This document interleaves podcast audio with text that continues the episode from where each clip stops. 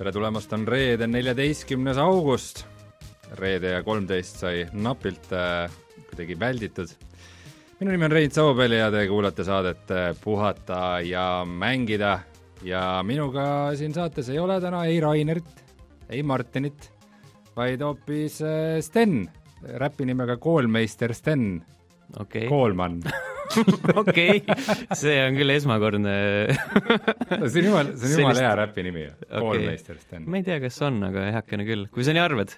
mis see räpi nimi siis on see on sinu äh,, sinu vabadus, ruut päriselt? mm. -hmm. mis see tähendab? mis, mis see loogika seal on? see on, ma ei mäleta, see kuidagi tekkis igatahes. see oli pikemalt, kunagi oli pikemalt ruutmeeter. aga siis jäi ainult ruut. Sest inimesed sest võeti meeter maha või? ei, inimesed lihtsalt kutsusid ruuduks mind, okei siis jäi ruut. okay.. kuna me siin juba tõsistel äh, teemadel äh, räägime, Sten, siis äh, palun seleta, miljonid äh, televaatajad on minu käest küsinud, et äh, mida tähendab sinu Discordi hüüdnimi Teridimone? Oone või? Ridimone, Teridimone, Teridimon, see on kusjuures äh, põhimõtteliselt see on ka kaudselt räpiga seotud, kahe tuhandete keskel ilmus selline plaat nagu G and Mista äh, Ridim mingisugune miks ja siis ma selle Ridimi võtsin sealt, ma ei mäleta, miks mul see One ja see artikkel sinna ette jäid, aga igatahes kas see sõna ridim tähendab midagi, ei tähenda? äh, mingi muusikateema äkki, täitsa võimalik. sul on kõige jaoks vastus.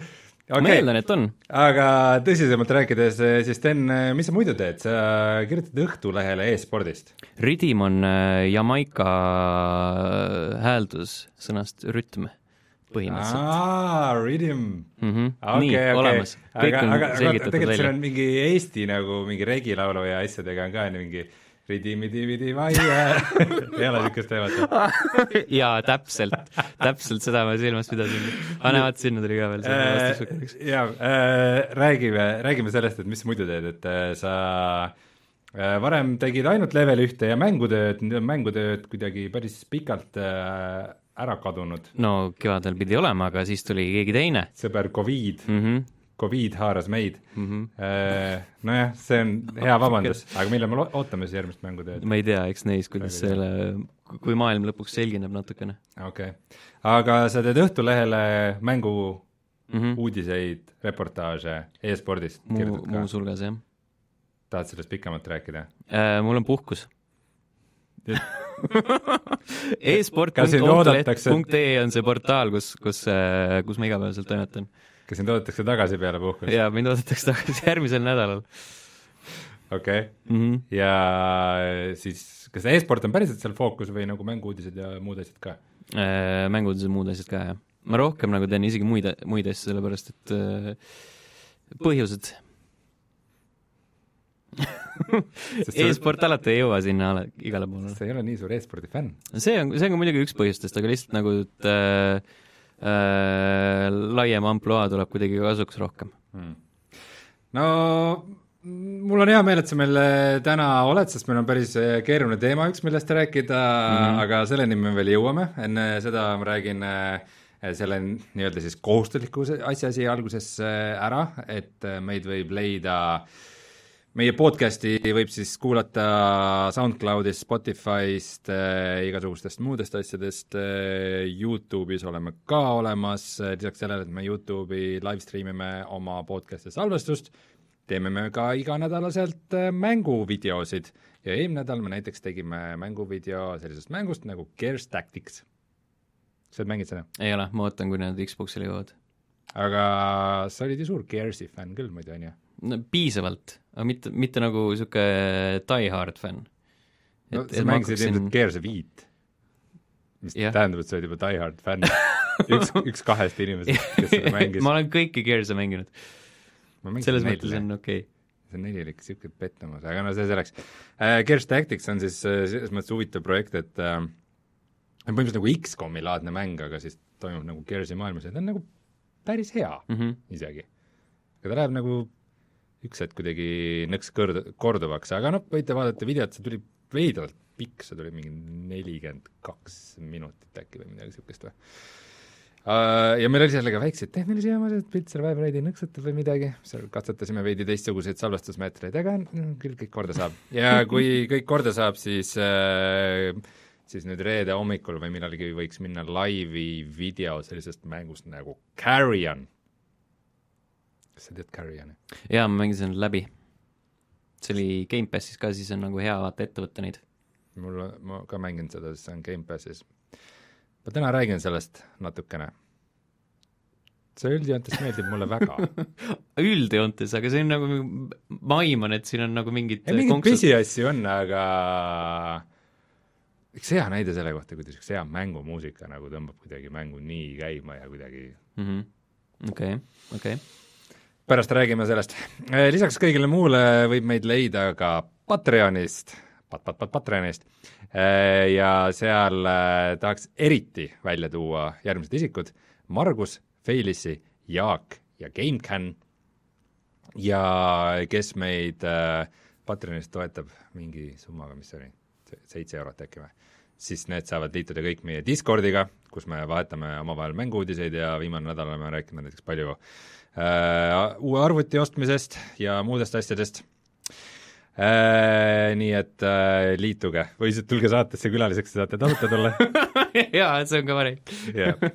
Äh, Sten on kindlasti üks nendest äh, saatekülalistest, kes meil seal ka aeg-ajalt figureerib ja avaldab oma arvamust, mis on väga tore mm. -hmm. ja tänases saates räägime siis palju sellisest teemast, et üks Eesti väga paljulugebav mänguprojekt nimega Aeon Must Die kuulutati nüüd suurelt ametlikult välja ja, ja siis läks seal kõik halvasti ja mis seal täpselt juhtus, seda, seda me räägimegi ja ja üritame mingisuguse arvamuse sellest välja kujundada. siis lükati mõned mängud edasi, nagu näiteks äh, suurepärane Halo Infinite, äh, selles osas ma tahan ka kindlasti Steni arvamust kuulda mm. -hmm. uued GeForce'i graafikakaardid on nurga taga, me nägime Cyberpunk kaks tuhat seitsekümmend seitset Rein manageeris ladu ja päris mitu suurt mängu on praegu tasuta saadavad. sellest ja paljust teisest räägime. mis see, mida see, enne kui sa lähed edasi, mida see lao ümbertõstmine endast kujutab, mida see tähendab? see jäägu üllatuseks Wilmot's Warehouse on selle mängu nimi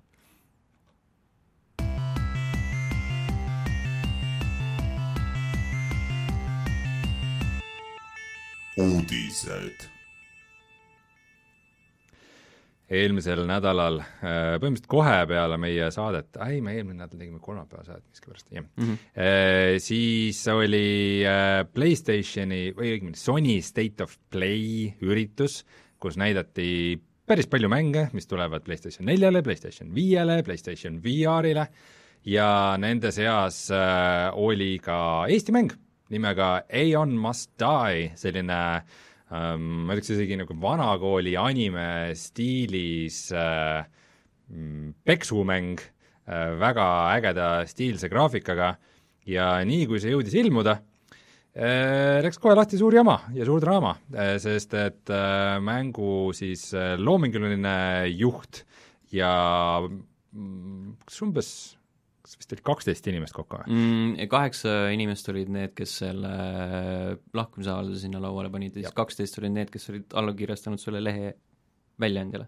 jah, ühesõnaga suurem osa selles stuudios töötavatest isikutest selle mängu kallal äh, kuulutasid, et äh, nemad ei ole sellega enam üldse seotud, selle mänguga, see stuudio ei maksnud neile raha, nad on mitu aastat teinud lõputult ületunde äh,, ja neid on alandatud ja solvatud ja kõik on halvasti ja see on üks kuritegelik ettevõte ja nemad seal enam ei tööta ja sinna tagasi ei lähe.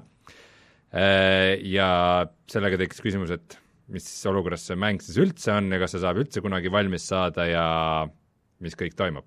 kas ma ütlesin midagi valesti? mm.. või jäi mul midagi tähtsat mainimata, sa oled selle looga ka üsna hästi kursis. ei no selles mõttes, et see on jõhkralt keeruline ja niisugune laialivalguv lugu. see on põhimõtteliselt, jah, ei ma mõtlen sellest nagu esimesest infost, mis no, nagu põhimõtteliselt jah, see on äh, nagu, et lihtsalt sa võid selle kokku võtta, et asjad on halvasti Thanks, Sten mm. -hmm. Äh, jah, mis on veel oluline info, on see, et nad panid siis äh, netti ülesse Dropboxi kausta, kus on äh, kõikide nende töötajate seletuskirjad ja umbes screenshot'id sellest, et äh, nad kasutasid piraattarkvara, mingisugused tõestusmaterjalid, telefonid ja kõnede salvestus, osad neist olid nagu redacted, ehk siis nagu mm -hmm. advokaatide soovil eemaldatud, aga nagu see, see on äärmiselt ebatavaline viis asju ajada, et põhimõtteliselt mäng kuulutatakse välja ja siis nagu kogu maailma meediasse minnakse sellega, et vaadake, siin on äh, kõik info selle kohta, mis seal äh, valesti ja halvasti tehti ja et meile palka ei makstud ja see tõesti jõudis maailmameediasse, seda kajastas mm -hmm. muuhulgas Kotaku, PC Gamer, mitmed nagu suured niisugused nagu äh, mängu tegemise insider lehed ja muud ja ja selle, sattus surve alla siis ka selle mängu levitaja äh,, Focus Home Interactive, kes on äh, Prantsuse levitaja ja kes on muidu nagu, nagu noh, ütleme päris suur niisugune ühe-kahe mängude levitaja, näiteks see Plague mm -hmm. Tale oli, oli nende välja antud ja ja mitmed niisugused um... no kõige kõvem sõna on Farming Simulator, mis on nagu reitsilt suur tegelikult ju, võttes arvesse, et me, me, meile meeldib naerda, et ahah, kes tahab äh, arvutimängus äh, traktoriga sõita, aga hästi paljud inimesed tahavad, tuleb välja. tuleb nii välja. ja, äh, ja mina ei ole kõiki neid dokumente läbi lugenud, ma ütlen kohe ausalt mm. -hmm. Ma lugesin mõned, äh, neist äh, kõige olulisem ilmselt on siis selle mängu loovjuhi, creative director'i kiri sellest, kuidas ta siis kolm aastat tagasi nagu alustas seda stuudiot, kutsus sinna oma lapsepõlvesõbra mm, tegevjuhiks, kes siis nagu hoolitses kogu ärilise poole eest ja mingil hetkel äh, avastas, et äh, ta on kirjutanud alla lepingule, et ta on selle kõik mänguõigused umbes äh, ära andnud, ta ise umbes palka ei saanud, tegi kolm aastat umbes niimoodi tööd, et et ma ei tea, mis seal, et üks vaba päev nädalas, kaheteist kuni kuueteisttunnised tööpäevad ja, ja selle eest nagu väga midagi ei saanud ja ühel hetkel avastas, et see selle mängu autoriõigused ka ei kuulu talle ja kuna seal stuudios tundub, et see nagu sisemine kommunikatsioon oli väga halb ja väga valesti, siis äh, üks hetk siis kaheksa inimest andsid korraga oma lahkumisavalduse ja väidetavalt siis neid äh, lahkumisavaldusi ei võetud vastu, et mm -hmm. ei, ei lastud töölt ära. see oli jõhker kuradi, jõhker kamma hea, sellepärast et see alg-, algselt oligi, et nagu kutsuti kokku, et jah, et siin on mingid äh, ma ei tea, mingid iseärased, meie, need dokumendid ei ole aktsepteeritavad miskipärast. ja siis nagu ühel hetkel nad siiski saadeti koju, öeldi, et okei okay,, et passige kodus, on ju, et olge enda selle nii-öelda lepingu lõppemiseni, meie, meie teid enam näha ei taha, on ju siin, ja siis, kui nad koju läksid, siis hakati pommitama sõnumitega, et tulge homme tööle, ja siis, kui nad tööle ei läinud, siis said need noh, mis iganes, vaata, et et sa ei ole enda töökohustusi täitnud need äh, nii-öelda ametlikud käigud hakati, pandi noomitused. noomitused, jah. me ei oska seda päris täpselt öelda, see käib mingi, mis läbi ameti see käib. jah, no see, see teema on päris palju emotsioone põhjustanud äh, siis nagu nende hulgas, kes on siis lugenud neid lugusid või siis ka Eesti mänguarendajate kommuunis, et ma olen üsna aktiivselt jälginud seda Discordis äh, vestlusi, mis sel teemal on olnud, ja ma, ma nagu rõhutaks seda, et tegelikult praegu ikkagi me oleme kuulnud nagu ühte osapoolt.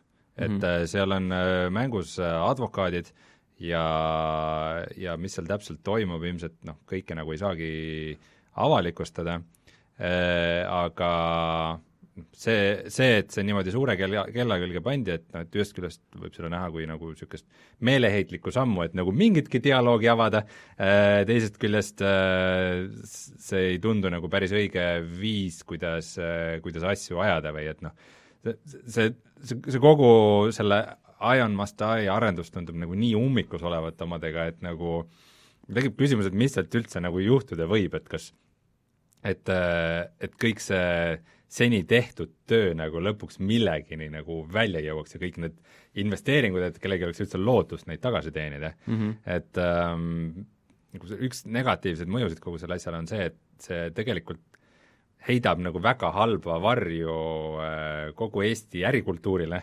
ja nagu Eestile kui mänguarendusriigile üldse, et nagu noh, eelmine aasta oli meil Xiaomi eh, edulugu, et eh, mingid Eesti tüübid tulid ja lõid jalaga ukse lahti ja tegid platsi puhtaks eh, auhindade galadel, siis ma räägin loomulikult Disco Elysiumist, ja nüüd on järsku nagu teistsugune lugu, et kus, kus justkui tundub, et inimesed ei saa omavahel läbi, lepingutest kinni ei peeta, omavahel ei suhelda, töökultuur on äh, rohkem nagu mingisuguse kolmanda maailma riigi oma, et äh, et noh, keegi nagu ei võida sellest olukorrast praegu, mulle mm -hmm. tundub.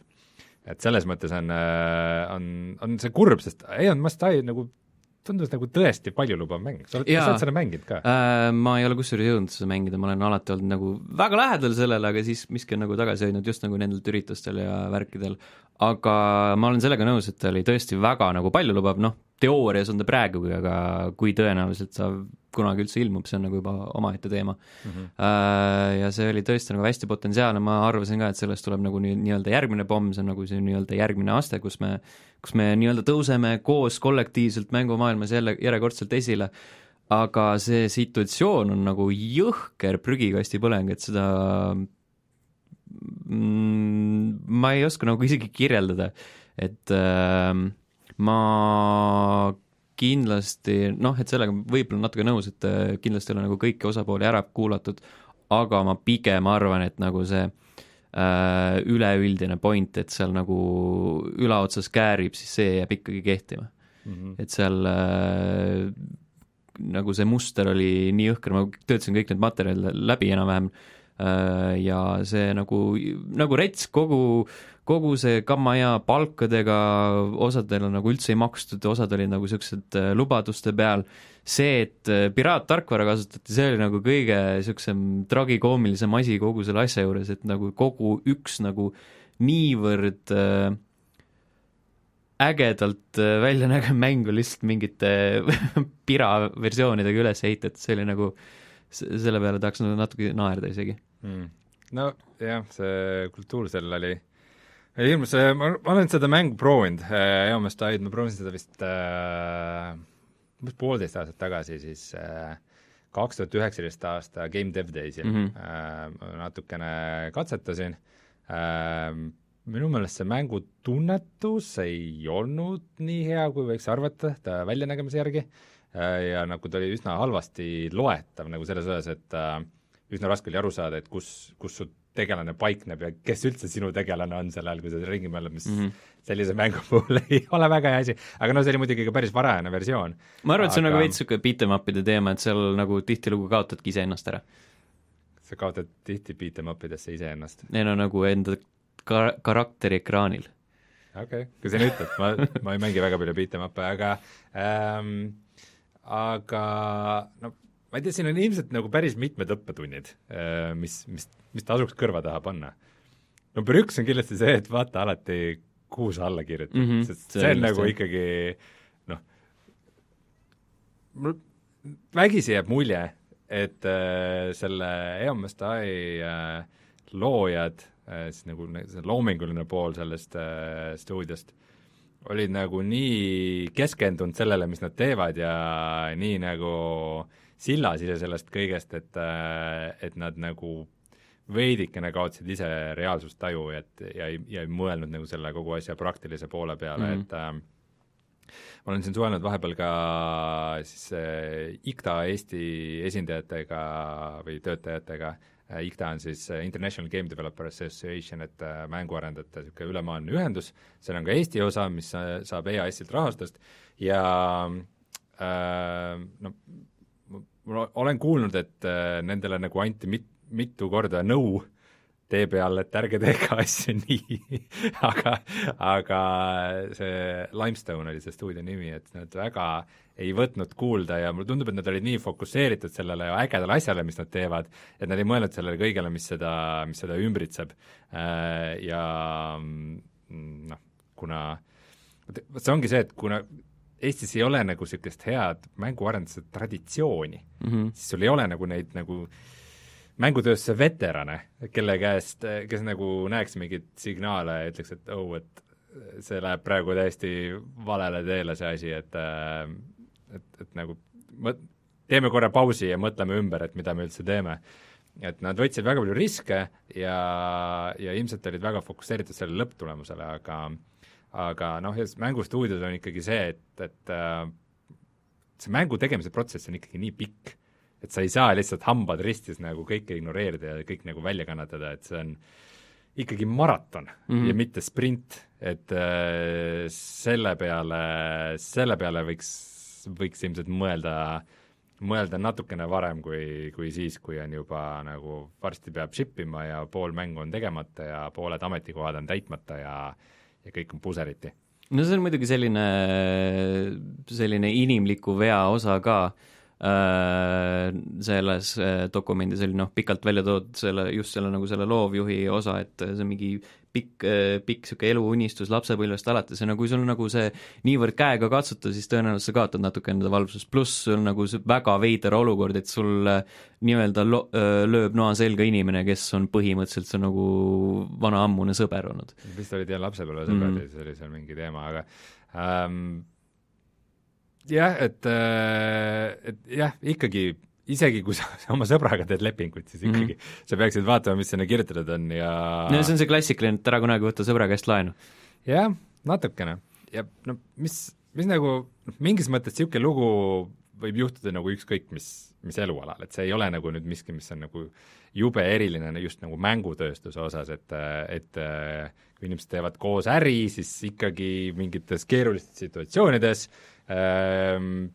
kui kõik on hästi, siis, siis on kõik sõbrad, aga kui asjad nagu hakkavad äh, minema valesti, tähtajad on käes, rahad on otsas, äh, siis äh, kipub paraku välja tulema nagu inimeste teine pale ja noh, siis ongi nagu hästi oluline see, et kuidas, kuidas sellele kõigele läheneda ja kuidas, kuidas seda lahendada, sest et äh, lõppkokkuvõttes, kui, kui sul on nagu ettevõte, kus sellel ettevõttel on mingid lepingud, mingid kohustused, mingid laenud, sellesama levitajaga ilmselt neil oli ka mingisugune, mingisugune kokkulepe, et umbes selleks kuupäevaks on mäng, nemad annavad nii palju raha mm -hmm. ja ühel hetkel, äh, kui neid kohustusi ei täideta, on nagu asjad pekkis ja siis nagu keegi, vaata keegi ei saa nagu väljaspoolt väga seda mõjutada. et üks teema oligi see, et ma saan aru, et äh, et Limestone'i töötajad, nad kirjutasid otse sellele levitajale mm. -hmm. see oli see viimane kiri siis? jah, see Focus Home'ile, aga, aga see Focus Home põhimõtteliselt lihtsalt saatis selle kirja edasi sellele tegevjuhile, tegevjuhile ja mm -hmm. ütles, et äh, oh, et klaarige ära see asi. mis toimub, see on, see on ka veider, veider aasta. mis, mis on natuke naljakas, aga samas nagu mis nad, mis nad nagu muud teha saavad, selles mõttes see on teine ettevõte, nad ei saa öelda, et äh, kuulge, kutid, et äh, see stuudio äh,, kus te töötate, on ikka suht nõme stuudio, et tulge meile ja tehke see mäng siin valmis ilma selle stuudiota mm, -hmm. et äh, see oleks palju okei okay., see on nagu, see on nagu kõige, kõige esimene asi, mida üheski lepingus ei tohi võtta, et sa nagu blokid ära selle, et nagu levitaja saab su mängu ära varastada. et, et see on nagu äh, PC Gamerile artiklis vist äh, see äh, loovjuht ütles, et äh, et, et nad loodavad, et kuidagi läbi levitaja nad mm -hmm. saavad ikka selle mängu valmis teha, ei saa. seda ei saa juhtuda nagu, sest et äh, see ei ole võimalik, et nagu see oleks põhimõtteliselt see, et levitaja varastab selle mängu stuudiolt ära ja see on nagu viimane asi, mida nad tahavad teha, sest siis ei taha mitte keegi mitte kunagi nendega koostööd teha. no äh, võttes arvesse, et äh, Focus Home ei ole nagu tegelikult kõige puhtama resümeega, sellepärast et neil on mingi eelmine aasta äkki oli vist see äh, pisemat sorti, see ei olnud nagu päris skandaal, aga pisemat sorti nagu niisugune äh, nii-öelda tüliõun oli selle Sherlock Holmesi mängude loojaga, see oli vist Frogware või midagi sinna, sinnakanti mm, -hmm. kus oli ka, kus nad äh, võtsid need äh, täiesti tühjast kohast vist, võtsid äh, müügist maha ja mingi niisugune teema oli sellega mm. -hmm. ehk siis nagu nad mingi, mingi selline leverage neil siiski on olemas kuskilt tõenäoliselt lepingutes no, no see on niisugune keeruline, et siin on ka hästi raske no,, hästi raske see, see, hinnata, sest me ei tea, mis neil nagu lepingute sees on, vaata. jah, mis punktid neil lepingutes on ja mis, kuidas nagu keegi osapool oma seljatagust kaitseb, kui mm -hmm. asjad valesti lähevad, noh, seda on meil natukene keeruline kommenteerida, aga aga noh, põhimõtteliselt kui, kui nagu see stuudio ei kuulu sellele levitajafirmale, siis nad on ikkagi, nad on eri, eraldi ettevõtted mm, -hmm. Mhm. need on kaks ettevõtet, mille vahel on leping ja väljaspool seda lepingut nad ei saa nagu väga palju surkida ühes, üksteise asjades. et äh, kes saab surkida, on siis äh, Tööinspektsioon ja Maksuamet, ma saan aru, et nad on juba kallale saadetud mm -hmm. Limestone'ile ja need seal äh, hakkavad siis menetlema ja tuvastama, mis rikkumisi on toimunud, ilmselt, ilmselt midagi on mm. -hmm. aga ma ei tea, mine tea, võib-olla nad leiavad, et mingit rikkumist pole olnud. Ja, ja siis see, mis saab sellest mängust, vot seda ma nüüd tõesti ei tea, et nüüd äh, siis ka teine pool äh, andis Geeniusele mingisuguse intervjuu või, või nagu te teatasid enda, enda nagu seisukohtadest ja ütlesid, et nagu töö käib ja nojah, selles, selles situatsioonis on väga raske midagi muud ka öelda, et yeah. ei, tegelikult meie stuudios on kõik väga hästi, et ma ei tea, mida need teised tüübid seal väidavad, kes siin enne olid, aga meil on nagu kõik ei okei okay lihtsalt. No selles mõttes, mida muud nad saavad küll, kui, ma räägingi. kui neil on nagu leping, et äh, paari kuu pärast peab mäng väljas olema, siis et äh, muidugi see tegelikult on päris hea. aga võib-olla käibki, selles mõttes, et äh, kui, kuna see koodibaas ja kõik asset'id ja asjad kuuluvad sellele stuudiole, nad on äh, ikkagi ju maksnud palka inimestele noh, vähemalt mingis osas, aga nad on Mhm. ikkagi need inimesed Mõnele palgal olnud äh, kes on nende heaks töötanud, neile tootnud, on ilmselt kirjutanud lepingule alla, et nemad ei ole selle töö omanikud, vaid see kuulub stuudiole, siis põhimõtteliselt sellel stuudiol on ikkagi poolvalmis mäng, mille kallal neil on õigus töötada ja kui nad leiavad mm. -hmm. töötajaid, kes selle kallal töötavad. ma tean, kui see le- treiler välja tuli, siis äh, sellest, või selle nagu Dropboxi kaudu just anti ka teada, et või, või see oli isegi eraldi, et see, selle treileri sees on nagu kaadrid, mis äh,, mille on loonud inimesed, kes pole oma töö eest palka saanud, ehk siis see on nagu mingi üks nendest konksudest, Mm -hmm. mille nad üritavad sinna taha saada. Mm -hmm. No loodetavasti see väga halb olukord laheneb mm mm -hmm. mingil viisil, kuidas äh, võimalikult positiivsel viisil, kui mis, et sealt, et sealt ikkagi mingid asjad hakkaksid liikuma ja ja see mäng saaks valmis. Ma ei tea, kas- kas kujul. kas saab üldse? see on võib-olla tõenäoliselt äh, äh, siin on niisugune teoreetiline, teoreetiline võimalus, et äh, ühel hetkel äh, kogu see, kogu see nagu hagimiste teema jookseb liiva ja siis nagu frustratsioonist kuidagi jõuab see internetti, see kood. kuhugi Pirate Base'i kuhugi ära Pirate Base eraldi, see on nagu niisugune, niisugune teoreetiline võimalus.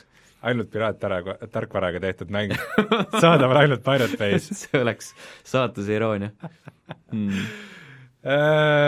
Noh, vaatame ja ootame, igatahes Mm. ametlikult see mäng äh, cancel'is ei ole Mm. Ja aga nagu... see State of Play'l selle kuupäeva vist nagu kaks tuhat kakskümmend üks oli neil lihtsalt aastana välja öeldud. okei okay., ja mind nagu huvitabki see, et äh, või noh, et äh, ametlikult ta cancel'is ei ole, aga seda projekti on praeguses valgus, valguses väga raske päästa. sest äh, kõigist igalt poolt nendest äh, Youtube'i kommentaaridest, ükskõik, kas on siis Focus Home'i või Playstationi all äh, nagu läbi kumanud see, et noh, et noh, et selle eest ma raha välja ei käi. et siin nagu see mm, nii-öelda pagas on korralik, mis neil küljes on nüüd mind huvitab ka tegelikult, ma ei ole nagu seda Geeniuse artiklit lugenud, aga aga et mida see tegevjuht äh, erinevate äh, süüdistuste kohta ütles, sellepärast et seal on nagu muid asju ka, mis nagu ei puutu otseselt äh, mänguarendusega kokku, vaid ka nagu niisuguseid äh, isiklikuma laadi asju. see on päris rets. eriti, eriti huvitav nagu seda nii-öelda kajastada siis, kui sa lähed puhkusele. Ja see nagu see tuli täpselt äh, neljapäeva öösel, vaata mm.. siis nagu mul oli reedel oli veel äh, mingeid asju teha, seal terve päev läks sinna, siis ma mingi nädalavahetusel lükkasin suurema osa sellest teemast kokku lükkasin nagu niimoodi sujuvalt äh, kolleegi peale, et tõmba veel tegevjuhilt kommentaarid ka ja siis me nüüd ootame neid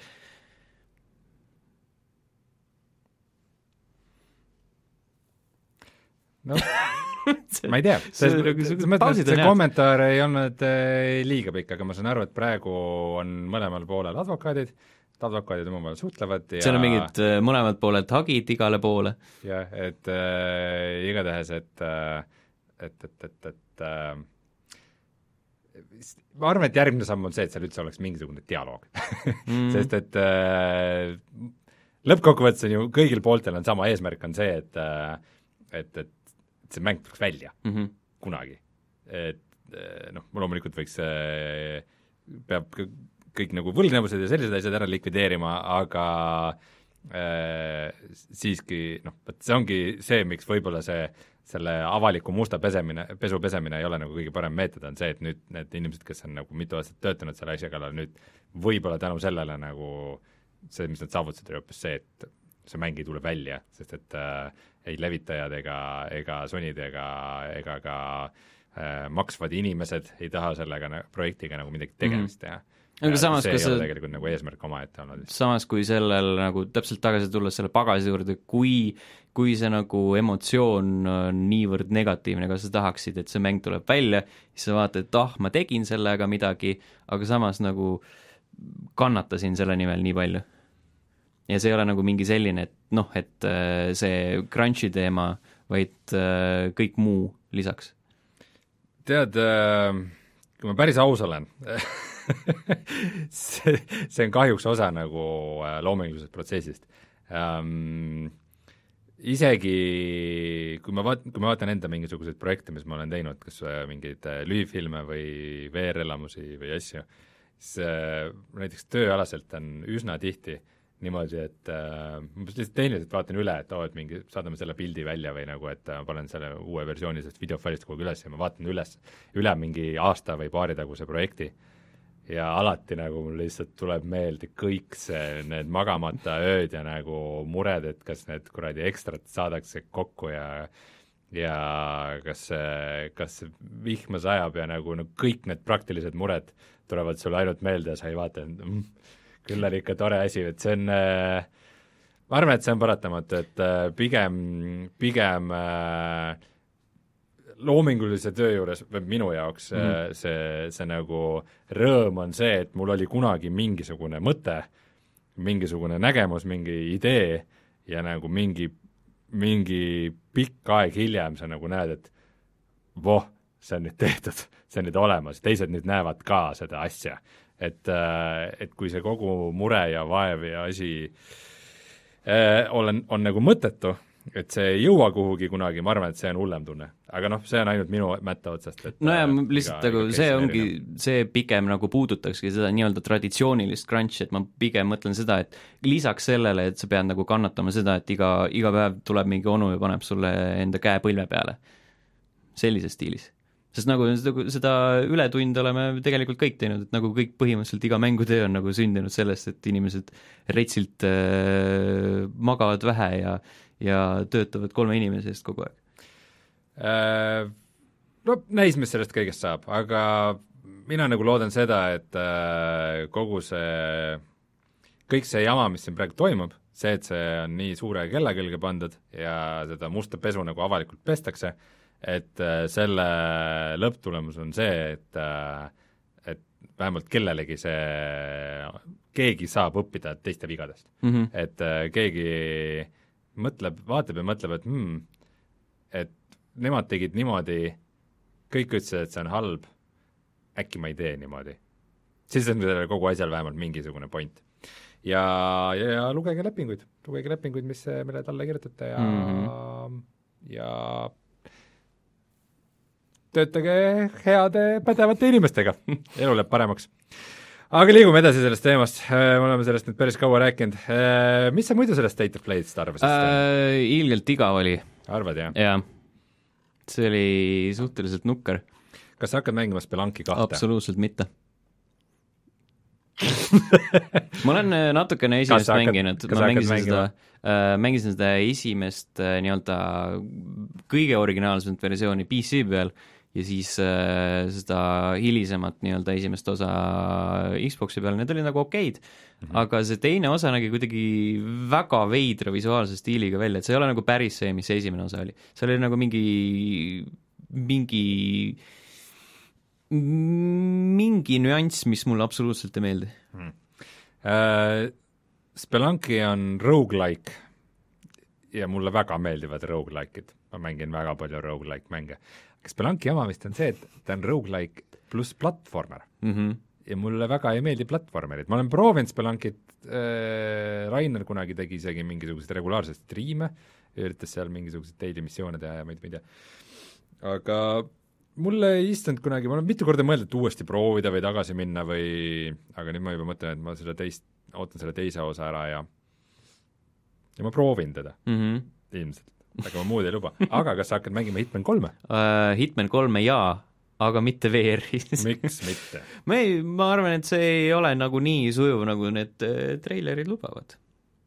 tähendab, ma tean, et see ei ole nii sujuv. mis mõttes nii sujub? no seal oli ikka nagu väga äh, sinemaatiline, kuidas ta läks sinna ja siis vaatas äh, sujuva pilguga paremale-vasakule, aga tegelikult sa vaatad niimoodi eh, eh, väga katkendlikult, väga piksliliselt ja pettud ma saan aru, et äh, tegu on PlayStation VR-i kasutajaga, mm. -hmm. on küll, jah.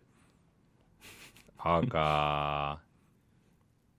kui see tuleb välja PlayStation viiel ja PlayStation VR kahel, kas siis võiks asjad olla teistmoodi?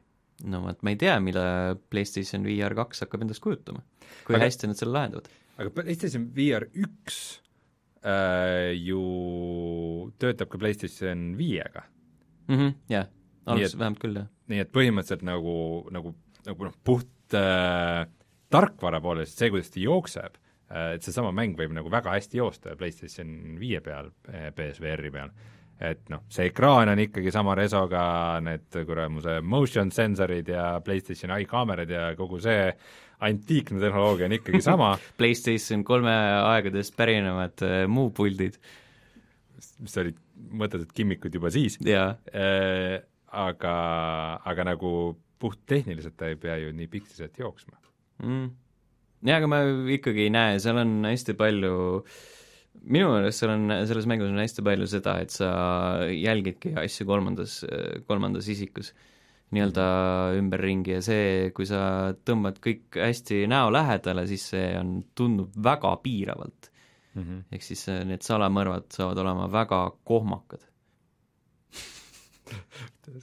treilis oli moment, kus agent nelikümmend seitse läheb kellegi selja taha ja tõmbab selle, selle nii-öelda siis klaverikeele nagu mm Mhm. -hmm. välja ja, ja siis võtab selle ja siis kuidas see kohmakalt või nagu oot, oot, oot, oi, tule korra tagasi mm, Mhm. -hmm. Me, ja su, su, su need äh, muupildid lähevad sassi, siis sa näed, kuidas ta tõmbab selle niimoodi enda käte ümber sõlme ära, enne kui sa ühel hetkel see on ümber su enda kaela niimoodi. põhimõtteliselt jah. jama. nii sa tõmbad selle tüübi kinni ja siis ta tõenäoliselt lendab kuskilt kaardilt välja, selle asemel, et äh, teda maha võtta. see on nagu suhteliselt niisugune loogiline. aga iseenesest see on samm., see on tegelikult see on väga hea point sul, et nagu lisaks sellele, et nagu selle, see mäng läheb VR-i, siis ta läheb ka üksikisiku vaatesse ja ta ei ole ju mõeldud selle jaoks mm -hmm. ja tehtud selle jaoks, et isegi kui sa mängiks nagu lihtsalt äh, tavaekraani taga seda, seda Hitman kolme nagu esimese isiku vaates, isegi see ei pruugi väga äge ju välja näha mm. -hmm. et äh, siin võivad nagu asjad veits puseriti minna küll. Ma ei tea, aga samas mm, jätame alati šanssi äh, ennast positiivselt üllatada, aga noh, Hitman kolm ei oleks nüüd esimene mäng, mida ma tahaks VR-is mängida ja minu arust ka see on nagu väga veider valik. ja mis on veel huvitavam, on see, et äh, ka eelmised Hitmanid saavad siis tagantjärele VR toe, sest vist võiks olla parem kui tagantjärele VR tugi mängudele, mis ei ole algselt selle jaoks mõeldud. Veel parem võiks olla see, et sa mängid VR headset peas, aga tegelikult ekraani taga, nii et sa lihtsalt pead VR headseti alt piirama. ei, sa ei, sa ei kasuta seda nagu seda VR osa, see on, ongi lihtsalt see, et ta kuvab sulle selle ekraani, telekaekraani lihtsalt, virtuaalselt. jaa. selline mingi mode on ju olemas isegi mm. -hmm. põhimõtteliselt jah. kas see, see PSVR-i üks mingi ar-, müügiargument ei olnud kunagi see, et et sa saad filme vaadata, noh, kui sul ei ole telekat, et siis sa saad nagu mängida PlayStationi mänge, Jaa. aga lihtsalt, et sa näed nagu VR-is nagu jaa, sa näed veits kaugemalt, põhimõtteliselt nagu see, see telekas seal on, on ju, vaata mm. siin äh, stuudios, et see, see on lihtsalt kuskil kaugemal, aga sa näed seda põhi.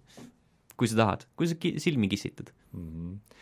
chatis äh, Omar ütleb, et Play- PlayStation VR-i selle ekraani resolutsioon on äh, tuhat kaheksakümmend korda üheksasada kuuskümmend, mis pole lootusetult halb, kui PlayStation viis talle korraliku pildi renderdada suudab. Mm. Noh, jah, aga Mhm. ega ta, Mhm. ega ta nagu hea ka ei ole, et jah, mina ei suudaks seda kasutada, olles nagu Valve indeksite ja asjadega harjunud, ma olen juba lootusetult ära helitatud äh, parema tehnoloogia poolt äh,. Aga kas sa hakkad mängima Crash Bandicoot nelja? see nägi isegi päris lahe välja. et äh, tõenäoliselt, võib-olla.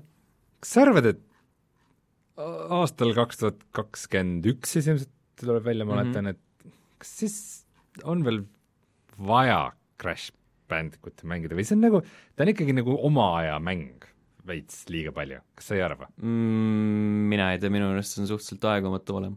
arvad? jaa. see remastered kollektsioon ju suhteliselt ka näitas seda, et ta töötab siiamaani. no ma proovisin veidikene seda remastered asja arvuti peal ja see, see selle Crashi nagu karv võib väga ilusasti renderdatud olla, aga kõik see, kuidas nagu ek-, asjad ekraanile asetasid ja mis kujuga nad olid ja mis suurusega nad olid ja see kõik tundus, see kõik tundus ikka nii nagu PlayStation üks, et äh, Need on väiksed, väiksed äh, pisivead, mis saavad neljandas osas kindlasti lahendatud. muidugi äh, aga Controlile tuleb äh, lisapakk, mis siis äh, ühendab Controli ja Alan Wake'i maailma mm. -hmm kuidas seda ma, seda ma tahaks isegi mängida, aga nüüd ma olen nagu suure dilemma ees, sellepärast et nad ju hiljuti või no suhteliselt värskelt kuulutasid välja selle Control Ultimate Editioni äh, upgrade path'i, ehk siis kui sa ostad selle uue versiooni, mis sisaldab siis baasmängu ja DLC-sid ja kõiki, kõik, kõiki neid kuradi lisapakke, mis senimaani on ilmunud, siis äh, noh, Xbox One'i või äh, PlayStation nelja peale, siis saad äh, seda mängida ka PS5 või Xbox Series X-i peal. aga point on selles, et see alles ilmub kunagi tulevikus. ja inimesed, kes nagu praegu on ostnud selle baasmängu ja DLC, nagu nemad ei saa seda upgrade path'i. see on tegelikult väga suur asi. see on ikkagi väga suur asi selles mõttes, et vot Xbox ja, ja PlayStation mõlemad on teinud nagu näo, et et noh, et ja, ja sa saad mängida neid mm. -hmm. kolmandate osapoolte mänge ka, sa ei, sa ei pea ostma uuesti seda mängu. ja nüüd tulevad need agad ja möödahiilimised ja nagu reaalsus vaikselt hakkab nagu kätte jõudma ja see, ja see kontrolli näide on nüüd nagu esimene, kus on see, et sul võib see mäng olemas olla, aga sul ei ole see õige versioon mm -hmm. sellest mängust. see on nagu tõenäoliselt, ma ei tea, seda ma isegi ei pannud tähele, kas sa saad äh, seda vana versiooni niisama mängida sest see ei ole mulle kordagi loogiline tundunud, et äh, et, et miks peaks stuudiod nagu loobuma nii suurest lisasissetulekust, et me saame selle mängu müüa maha uuesti mm. -hmm. ja siis äh, äh, Microsoft ja Sony on, kuule, aga ära tee seda, siis sa ei saa seda raha hmm. see on huvitav ettepanek, pean seda kaaluma aga ma vist ei tee seda. See on nagu, see on lihtsalt see veider, selline veider ülesehitus, et äh, ma saaks aru, et noh, et sa oled nagu selle raha välja käinud kõikide nende kas või DLC-dest, et ma tean, et see on nagu loogiline, et sa mingi raha välja käid või nagu mingi kallima nii-öelda versiooni äh, eest sa saad midagi rohkem tagasi, aga see, et sa nagu jätad kuidagi ripakile need inimesed, kes on juba selle raha välja käinud mm, -hmm lihtsalt sellepärast, et nad tegid seda kunagi hiljem või nagu kunagi varem. see on nagu väga niisugune shady. aga ma kardan, et just nii see hakkab minema mm. -hmm. Uh, Vader Immortal. see on ka VR, absoluutselt ei. see on ka VR-mäng. mängisin ja... seda Ironman VR-i mingi paar nädalat tagasi ja nii. see kuskil, kuskil äh, kiideti seda hästi palju, et oi ja, ja suur täismäng ja, ja hästi lahe, tavaline jurr, nagu kõik need VR-mängud on. Need, kes väidavad, et oo, lõpuks ometi täismäng algusest lõpuni, suurepärane. kunagi oli ka mingi Spider-mani VR-elamus. kas need on need äh, hästi lühikesed või? see oli see, et sa olid katusel ja sa said lasta võrku kätest. jaa, see oli see esimese filmi oma yeah.. kus sa tegi neid, lihtsalt neid sihtmärke ja siis lõppes ära, kui sa hakkasid esimese svingiga kuskilt hüppasid katuselt ära, siis tuli cutscene, ütles, et aitäh! Aitäh, et mängisid! Mingi, mingi vahe tehti ilgelt palju ja me oleme mingit sellist mingit Tomb Raideri filmi eh, lisaks tehtud mm -hmm. elamus meil on Leveli kanalil on selle teise filmi VR elamus, mis on ka nagu põhimõtteliselt peaaegu sama äh, natuke pikem, et sa saad pisut paari maja vahel äh, ikkagi svingida ka natukene. võiks olla kudumisvardjas ja kood võrku niimoodi mm. -hmm. teed omale võrgust kampsuni. vot see oleks õige Spider-mani elamus. aga Vader Immortal, mina olen, seal on nagu mitu episoodi, minu meelest kolm episoodi on praegu väljas. ja mina olen mänginud esimest ähm, Oculus Questi peal mm, Mhm. -hmm. see oli nagu Oculus Questi niisugune launch'i elamus. ja ta oli nagu okei okay., selles mõttes noh, see, et sa saad nagu valgusmõõgaga mingit, mingis dojos nagu blokkida lasereid ja lüüa mingeid tüüpe vastamisi ja nagu see ongi see, miks VR mõeldud on, vaata selles mõttes, selles mõttes see on lahe, et see oli olemas, no ära valgusmõõgaga saad Beat Saberis ka vehkida, selleks ei ole enam Star Warsi vaja. tõsi, aga pluss Star Warsist on nii või naa kopi ees hästi paljudel. Aga noh, Oculus Questiga oli lihtsalt see ela, see nagu oli nii tehniliselt nagu kokku tõmmatud, et äh, suure eelarve, eelarveline värk, vaata kohe näha, et kõik mingi kogu nagu marketing push sinna pea, taha pandud, et oo, ostame selle Star Warsi litsentsi ja värgid-särgid mm. -hmm. ja siis oli paljud stseenid olid niisugused mingi oo, tule vaata siin seda vaadet. ja see Oculus Quest, mis on nagu selle mobiilse chipsetiga, see oli siis mm, mingi suht kompresseeritud JPG tundub olevat siin, et äh, väga ainus JPG, et äh, mis, mis ma oskan öelda, et väga kihvt. Et ma olen mõelnud, et seda võiks ka muidugi arvuti peal mingi, sest ta on ka arvuti peal väljas, et mm. Võiks seda proovida, aga mul on hea meel, et vähemalt PlayStation VR-i omanikud saavad seda kasutada. Siis üks asi, mis mulle natukene jäi silma, on Hood Outlaws and Legends, mis tundus niisugune kohmakas, aga äh, selline PvPVE mäng, et kus äh, keskaegses maailmas äh, mingisugused grupid üritavad kuskilt varandust äh, näpata lossist ja samal ajal teised grupid nagu samuti bandiite võivad siis tee peal neid rünnata ja ja neilt nodi ära võtta, et, et ma viimasel ajal just olen mänginud Hunti, sest mu sõber reaalselt sunnib mind seda mängima, ma ei taha. see on väga hea, et siis, siis see, see tähendab, et sulle hakkab väga meeldima see mäng. see ei seosta üldse seda negatiivsete see emotsioonidega. Hunt on mi-, mi-, mingeid asju teinud nagu hästi, aga mingeid valesti ja kuidagi ta ei kliki minuga, aga ma arvan, et mingi, mingi niisugune PvPVE tüüpi mängud tulevikus sellest võib saada mingi suur thing. praegu ta on niisugune nišivärk, aga aga see võib mingi hetk äh, olla mingi järgmine Dota või järgmine Battle Royale või midagi, kas nad ü- üritavadki suunata sinna mm. -hmm. ilmselt mitte päris selle huudi näol veel, aga, aga tore, et midagi tehakse. ja no loomulikult Bugsnax Bugsnax, hell yeah! sellest mängust ei pea mitte midagi rääkima. seal oli vahepeal see. Battles, mille peale nad hästi palju aega raiskasid, see oli see, kus sa mingeid vibusid, vibuga mööda maailma mingeid sihtmärke tulistasid ja ma ei saanud aru sellest nagu, mis selle võlu on. See nägi nii igav välja. see nägi tõesti igav välja. aga niisugused asjad olid State of Play'l, mõned tulevad välja PlayStation viiele, mõned PlayStation neljale, State of Play lõppes äh, selle Godfalliga ja mõtlesin, et nagu enam igavamaks ei saa minna. Isegi Battles oli parem. see on tõesti nagu äh, tehke seda videomängu Te, te oskate teha seda videomängu, tehke seda mm. -hmm. videomängu, missugune see on, võiks välja näha nagu videomäng, mingi kurat, rüütlid kuskil mm. -hmm. lossis võitlevad, mõõk, pange mingeid efekte taustale pange ja partikleid mm. -hmm. Need rüüd on metallist, need peegeldavad, äge, inimestele ütleb äge, ütlevad need inimesed. ja money come, ja, ja siis lõpuks võtad sealt suurest äh, kausist, võtad kaks äh, nimisõna ja paned nad kokku. Godfall, jaa mm. -hmm. näiteks. just. Aga kas sina oled eh, meil rohkem eh, siis selle Xbox'i mees või? ma ei tea üldse ausalt öelda, mis ma järgmise generatsiooniga teen nüüd mis sa eelmise, selle generatsiooniga tegid? igaks juhuks? Xbox'i ostsin, ostsin äh, no põhimõtteliselt Nintendo Wii U on ka selle generatsiooni oma. ostsin selle kunagi okei okay., äh,, Switch on mul olemas, PlayStation neli on äh, leveli oma, mis on minu käes lihtsalt seda ma ei ole ostnud. PlayStation neli ma pole kordagi ostnud, ma olen mitu kolme ostnud kunagi, aga jah kumbat äh, sa kasutad rohkem, kas oma Xbox'i või, või seda leveli Playstationit? Xbox'i, üleüldiselt Xbox'i sel aastal olen ma hästi palju Playstationit äh, kasutanud, sellepärast et kõik suured, niisugused ägedad suured mängud on tulnud sinna, Final Fantasy seitse ja The Last of Us kaks ja Ghost of Tsushima ja ja nüüd ma isegi olen mingil veidral põhjusel Days Gone'i mänginud natukene äh,. Aga jah Xbox Series X on selline konsool, mille otseselt, otsest omamist pole vaja vähemalt alguses, kui just ei taha hästi ilusat pilti, mida väidetavalt lubatakse.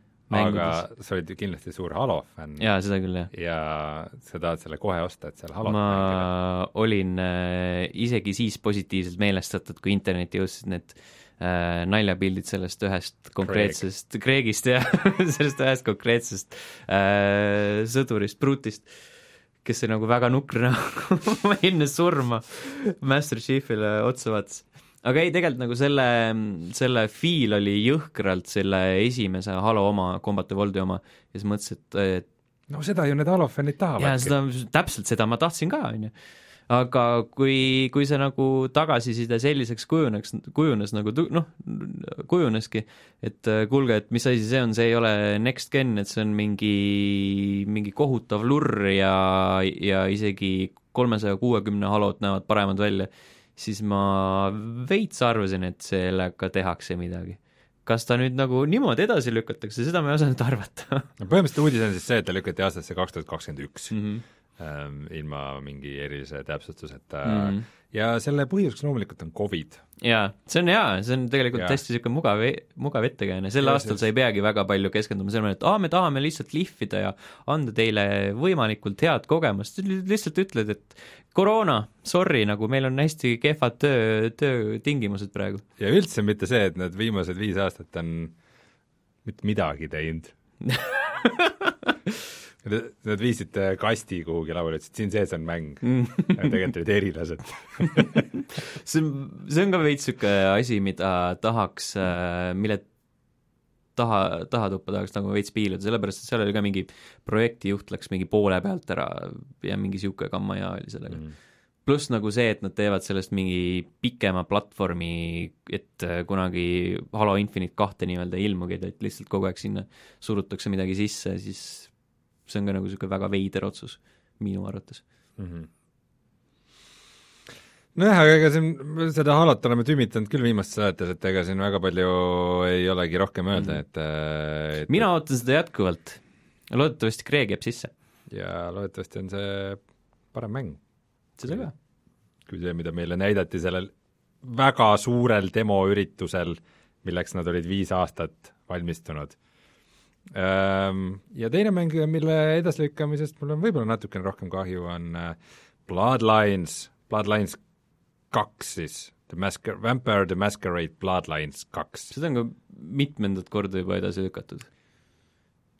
võimalik. sest see pidi ilmuma algselt selle aasta veebruaris äkki, Mm -hmm. mul on niisugune tunne. sest ma kindlasti olen nagu näinud, et see ei ole esimene kord, kohe kindlasti ei ole. Sul võib-olla on õigus, ma ei tea, Delayed again no.. eks äh, jah, aga noh, kui mina tahaksin oma mängu välja tuua see aasta ja siis ma avastaksin, et seal kalendris on see küberpunk, Mm -hmm. siis eks mul oleks ka hirm naha vahel. ei, mulle esimene Bloodline see väga meeldis omal ajal, äh, hoolimata tema paljudest äh, vigadest ja kokkujooksmistest ja muudest jamadest, oli ta ikkagi väga äge ja väga originaalne mäng, soundtrack'i siiamaani vahele kuulan. Ja ma kahte ootan huviga, ilmselt hakkan seda mängima, ma ei ole küll midagi sellist näinud selle treilerite sessidest, mis mind nii väga köidaks või seda sädet nagu paneks põlema, mis kunagi see, see Bloodlines ühega oli, aga ma ikkagi olen positiivselt meelestatud, meelestatud ja loodan parimat Mm -hmm. aga noh, nüüd ma saan seda siis teada kaks tuhat kakskümmend üks aastal. Ma ei tea, see on paratamatu, et see nii läheb, iga konsooli launch on see, et äh, alguses ei tule ühtegi mängu ja siis on aasta aega ootad ja siis lõpuks hakkab tulema nagu varrukast ähm,. Jaa, kuna me rääkisime nüüd juba küberpunkist, siis äh, küberpunkist äh, näidati videosid. kas sa vaatasid neid? ei, mul, mul on puhkus. Äh, küberpunkt tuleb välja juba üheksateistkümnendal novembril, see on kolme kuu pärast. Kui sa nii väidad. jah, kuude arvutamises ma ei ole kunagi väga osav olnud. Nad näitasid äh, relvi, nad näitasid neid erinevaid äh, nii-öelda nagu eluvaliku või kui sa teed tegelase, siis sa valid, mis see taust on mm. Mhm. ja nad näitasid nagu kolme, kolme erinevat tausta, et sa võid olla kas äh, äh, nomaad äh, tänavapoiss või siis tüdruk või korpo ehk siis korporatiivse taustaga ja põhimõtteliselt see juba äh, muudab seda, et kes sul nagu sõbrad on äh,, kuidas sinusse suhtutakse niisugust asja? suhtutakse mm., kes, kellega sa saad paremini läbi, minu arust seda tegi juba, no väga niisugusel pealiskaudsel moel tegi juba mä-, esimene Mass Effect. minu meelest seda teeb iga rollimäng, aga tavaliselt see on umbes niimoodi, et ähm, noh, et sa lihtsalt valid mingi, mingi nagu stati kuskil alguses ja, ja siis kaks inimest mängu jaoks ütleb sulle, oo, hea stat. sa oled ju sellelt saarelt pärit. Mass siis ma annan sulle selle asja tasuta. minu arust Mass Effectil oli nagu rohkem, et sa saidki ka juba konkreetselt enda tausta valida, et kas sa oled nagu mingi niisugune äh, sõjakangelane või oled äh, ülbe, ülbe kindral, kes enda meestele põhimõtteliselt molli annab. Mhm. okei. Ei, aga see tundus väga hästi teostatud ja kogu selle mängu see visull ja stilistika on ikka täiesti next level, ma ütleks, et äh, ma just andsin äh, raamimisse kaks äh, postrit, mis ma tellisin sealt Mm -hmm. äh, küberpungi või CD Projekt Redi äh, merch'i poest, mis lähevad mulle kontorisse seina, seina peale, üks ongi just see korpo selle tausta nagu niisugune nagu, selle tutvustaja pilt, kus on mingi niisugune business tädi ja siis tal on mingisugused augmenteeritud äh, äh, sõdurid, kes tal on tal ihukaitsjad ja siis mingi korporatiivne niisugune matuseauto ja see kõik on hullult stiilne, selline hullult äge ja siis välja. paned kontoris enda selja taha ja siis tead, et keegi ei tule sinuga õiendama, et vaatad, oi, oi, see lähebki mulle kontoris selja taha, kui ma seda kunagi raamitud saan. igaks juhuks ei lähe. aa, mis tuleb meelde, ma pärast vaatan stuudiol, kuidas, kuidas siin need raamitud on, et võib-olla teen mingeid asju samamoodi. see selleks äh, igatahes mina hakkan küberpunki mängima küll. jaa, ma ka Siin- tõenäoliselt, see, see, selle momendi vist oodatum mäng Tony Hawk'i kõrval. aga mis platvormil? see on äh, hea küsimus, ma ei tea. no ütle välja, et Stadia. jaa, kindlasti mm. -hmm. mu lemmikplatvorm. sest ma siiamaani ju ei tea nende uute konsoolide väljatuleku kuupäevi. no Xbox tuleb novembris millalgi. Kaheksateist november tuleb küberpunk, jah, ongi küberpungimasin. tõenäoliselt sinnakanti. Aga minu meelest nagu nad- muud mängida ei ole ilmselt. sest nad ütlesid ju, et, et see, need uuendatud, noh, uue generatsiooni versioonid jõuavad millalgi hiljem, küberpunkil siis. seega võib-olla konsoolid õige hea. ma ei tea, ühesõnaga ei tea, aga kindlasti sinnakanti. sest Assassin's Creed on ju ka novembris ju aga mina tahaksin äh, mängida küberpunki järgmise generatsiooni graafikakaardiga mm.. mm. Äh, Nvidia siis äh, noh, kuulutas välja äh, countdown'i äh,, et kus tiksuvad numbrid järjest väiksemaks ja selle, need juhivad siis meid kolmkümmend üks augustisse, mis on äh, vähem kui kolme nädala pärast ja siis päris palju kõlakaid on igast eri teemadel äh, ja lekkeid ja asju, et põhimõtteliselt on siis äh, Ampere seeria graafikakaartidega tegu, mis siis ilmselt tulevad siis nii-öelda kolme tuhande seeria, et äh, saad osta omale kolm tuhat kaheksakümmend ja kolm tuhat kaheksakümmend Ti ja kolm tuhat üheksakümmend, kolm tuhat üheksakümmend ja niisugused kaardid, mis nad maksma hakkavad? liiga palju, ma võin selle kohe öelda. Äh, aga näiteks Ray Tracingus pidi see hüpe olema ikkagi vägev. mis sinu graafikakaart on? äh,. ma ei tea, ma ei ole kindel, minu meelest ei ole isegi tuhandega, vale vastus täiesti noh, heakene küll. kuidas sa ei tea, mis graafikakaart sul on? on mingisugune. Kunagi pandi ma arvutisse ei sinna see jäi. ma ei tea, mis Playstation mul on. neli, võib-olla on kolm seda ma tean. ma tean, et mul on arvuti, seal sees on graafikakaart. ja see töötab. vähemalt praegu. mul on tuhat seitsekümmend Ti. palju õnne. mul on su üle hea meel. see tähendab mitte piisav mul on vaja uut. kui ma oleks äh, mingi kahe tuhande seeriast ostnud mõne, siis ma võib-olla ei läheks kohe käsi õieli nendele kolme tuhande kaartidele järele, aga no üle ühe generatsiooni ma arvan, et ma pean hüppama küll, et küberpungi ajaks võiks ikka mingisugune uus uus mm. -hmm. äh, uus turbiin, kroomitud kaart. kroomitud turbiin võiks unnata mu elutoas nurgas, kõigi, mul on natuke hirm, sest et ma tahan uut telefoni ka osta ja kõige jaoks ei ole raha tead. kõige jaoks ei tuleb teha. valikuid, elus tuleb teha valikuid. Aga mul on ikka väga vaja sellega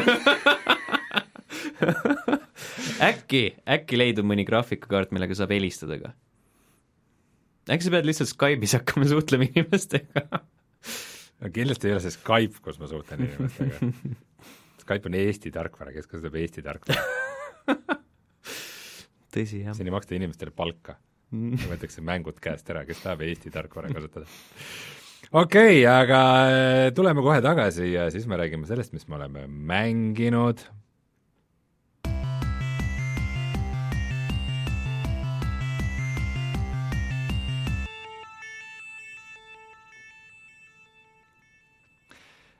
Chat ütleb ka, et äh, see Assassin's Creed Valhalla tuleb seitseteist november. Mhm. kas sa seda hakkad mängima? ma ei tea, siis, kui ostma ma ei hakka seda, Valhalla ütleme nii. küberpunk, Valhalla küberpunk, ohoo. ei no kui keegi annab mulle selle, siis ma tõenäoliselt äh, proovin.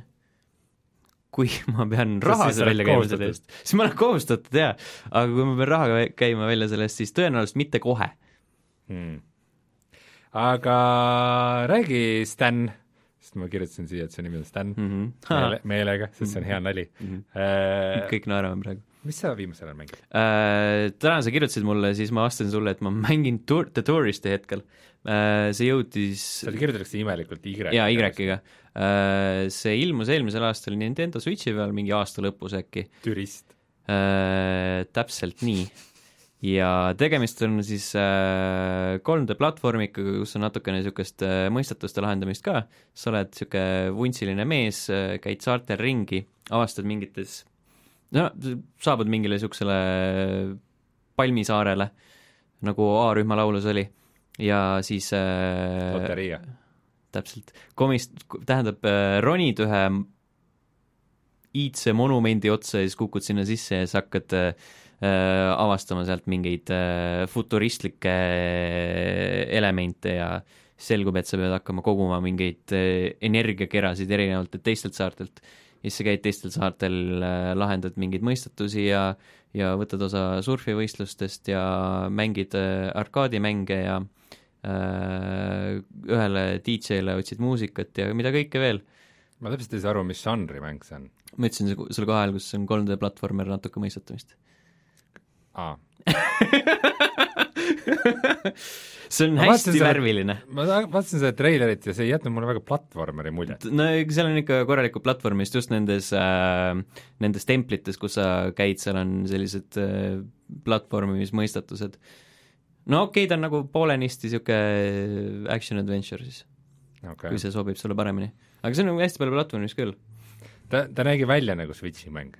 jaa. aga nüüd on äh, PC ja Xboxi peal ka okay. olemas ja see on hästi äge sulle meeldib see mäng? jaa, mängisin selle teist korda läbi, ma täna mängisin seda, ma olin nagu selle põhiloo läbi teinud ja ma lõpetasin siis seda nii-öelda sajaprotsendilist saja protsendi nimekirja nii-öelda, tegin Mhm. viimaseid asju ja kogusin viimaseid achievement'e ja tegin ära. kui pikk ta on umbes? mingi neli-viis tundi äkki või, aa, no see pole väga hull. jaa, see on niisugune mõnus ko- kogemus. ja palju ta maksab seda ma ei tea, mängisin Gamepassi kaudu, mm.? aga mingi paarkümmend eurot äkki või? Mm -hmm. minu meelest oli kunagi, Switchi peal vähemalt. seda okay. ma soovitan, kindlasti, see on üks väga-väga hea mäng. see on nagu aeg-ajalt äh, teatud kohtades on võib-olla natuke niisugused äh, perspektiivi probleemi, et sa pead äh, kaameraga möllama ja aru saama, kuhu sa hüppama pead Mm.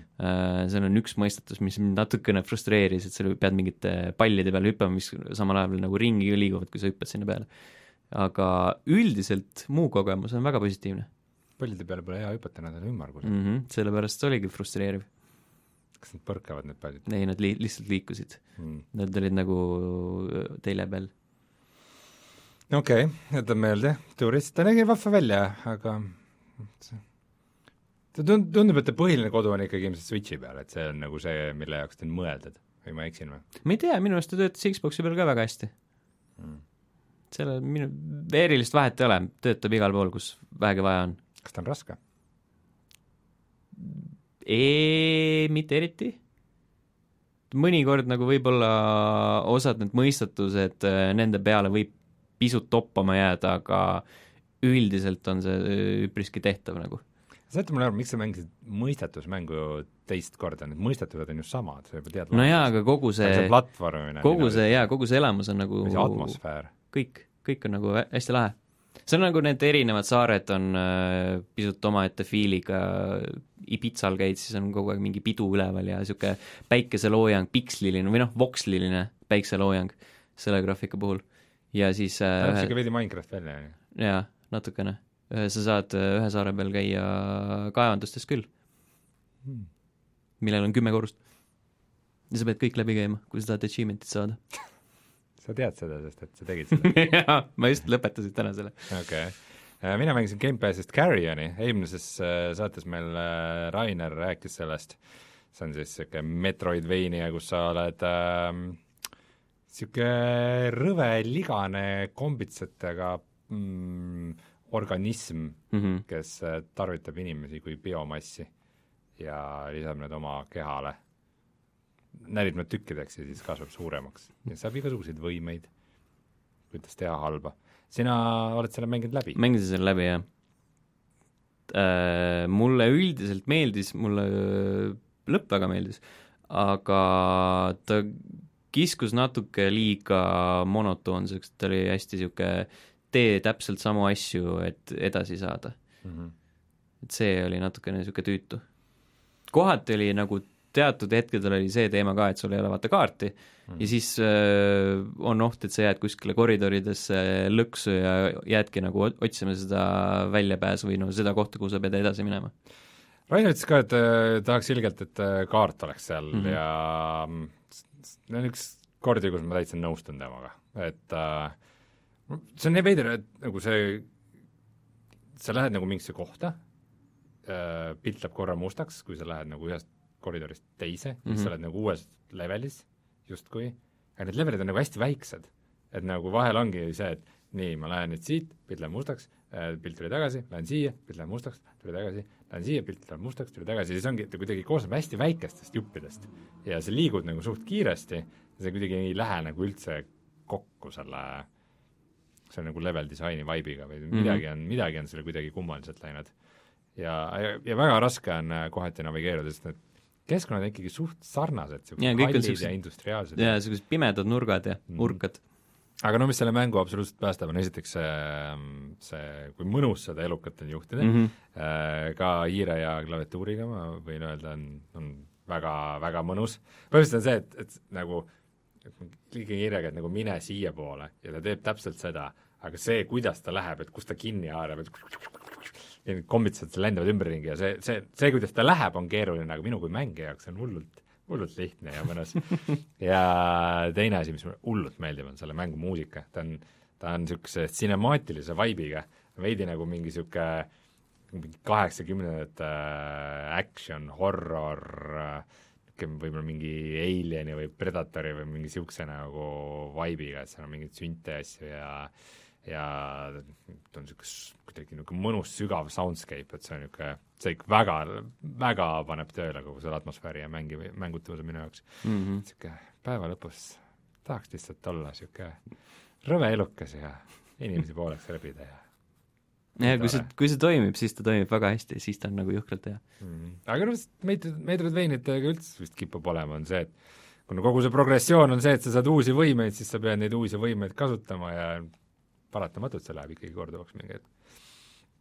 et seda on vist äh, suhteliselt raske vältida. ja teine mäng, mida ma olen mänginud päris palju, on äh, Wilmot's Warehouse. nii, mis see on? see on mäng, mis oli eelmisel nädalal äh, Epiku poest tasuta siis ma Epiku poest äh, laadisin selle tasuta alla, mul sõber ütles, et et see on päris vahva mäng, et seda saab koos mängida, et mulle, et, et äh, tundub kihvt asi, mis me saaksime koos mängida.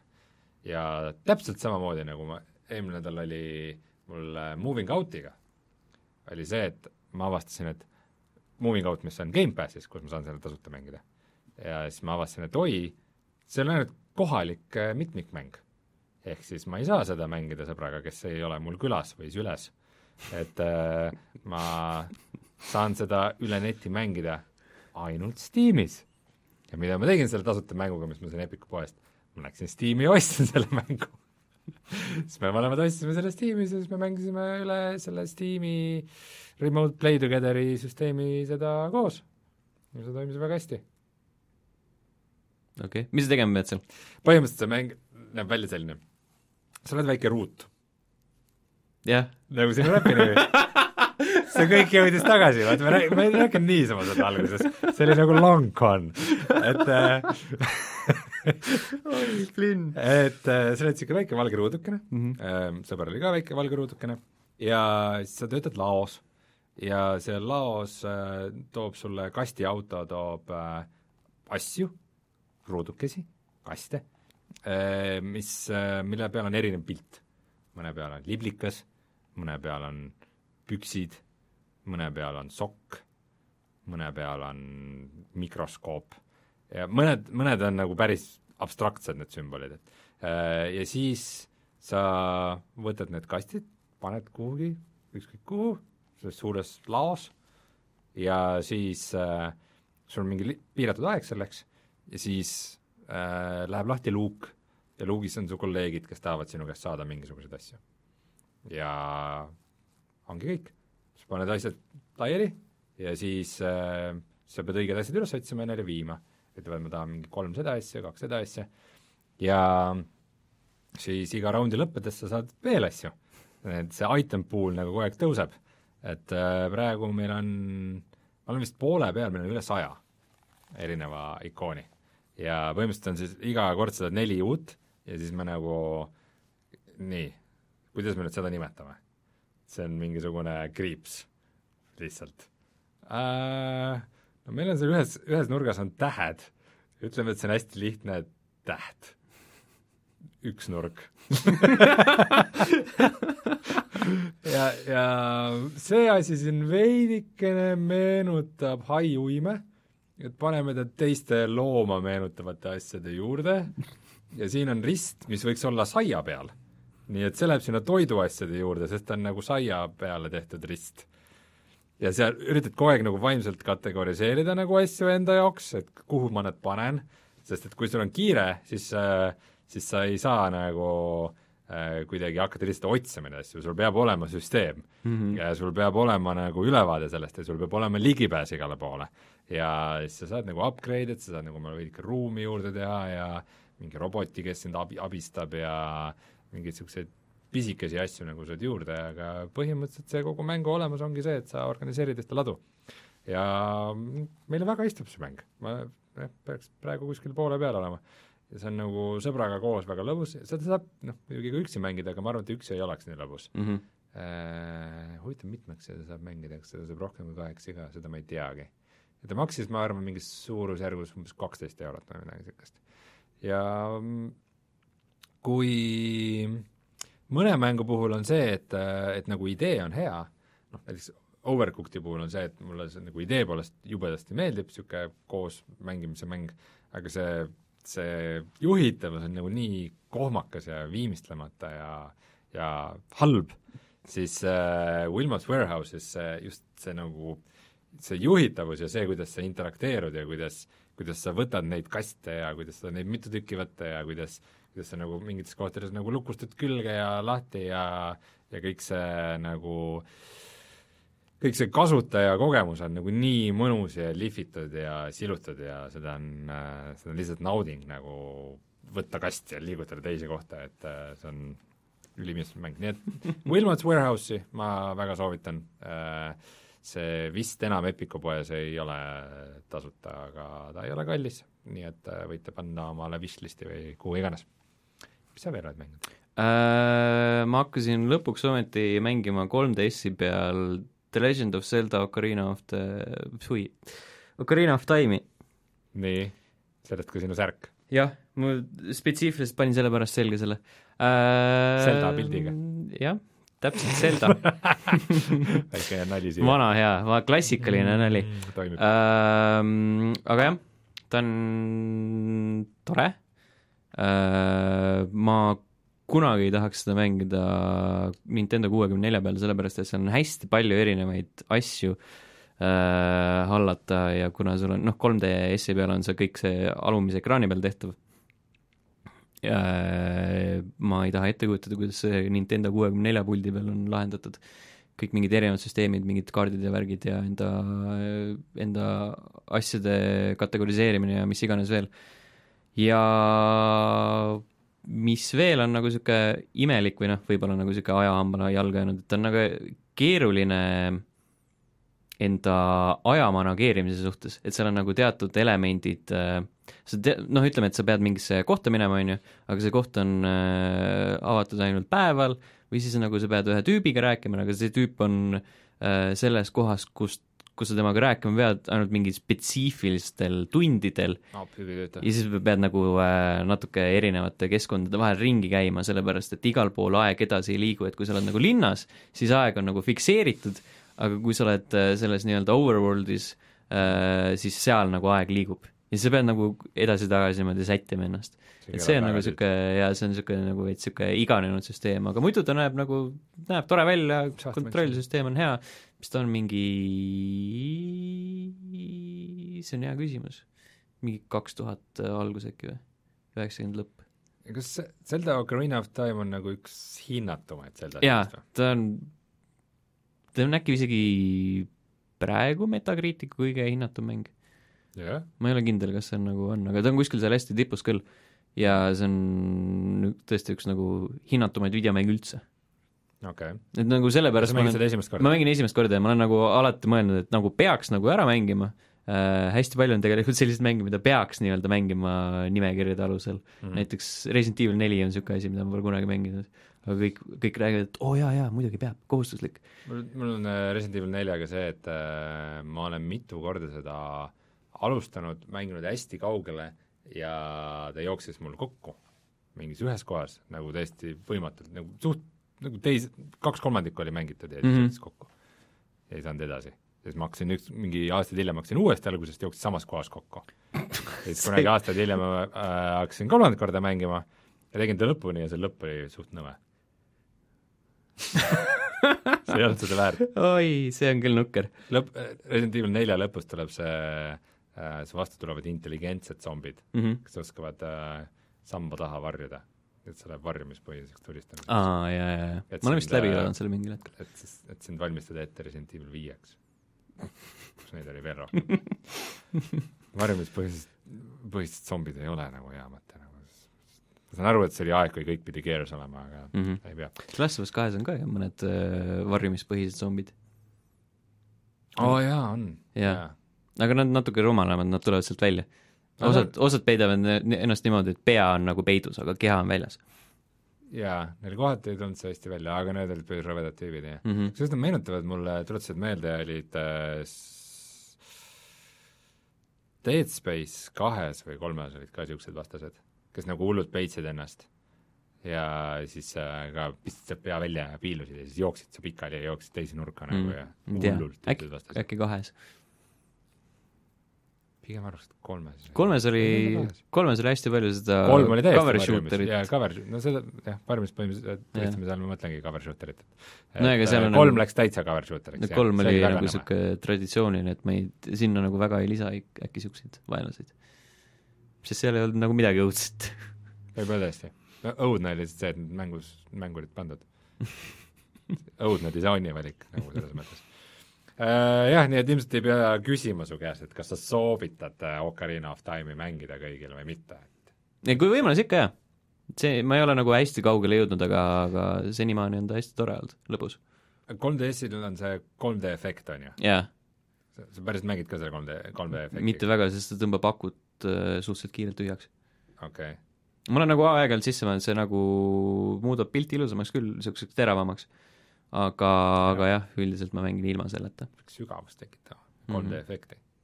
3DS-il on see ka, et sa saad, seal on see güroskoop sihtimine, siis saad Raquilcat juhtida niimoodi, et sa tõstad konsooli lakke.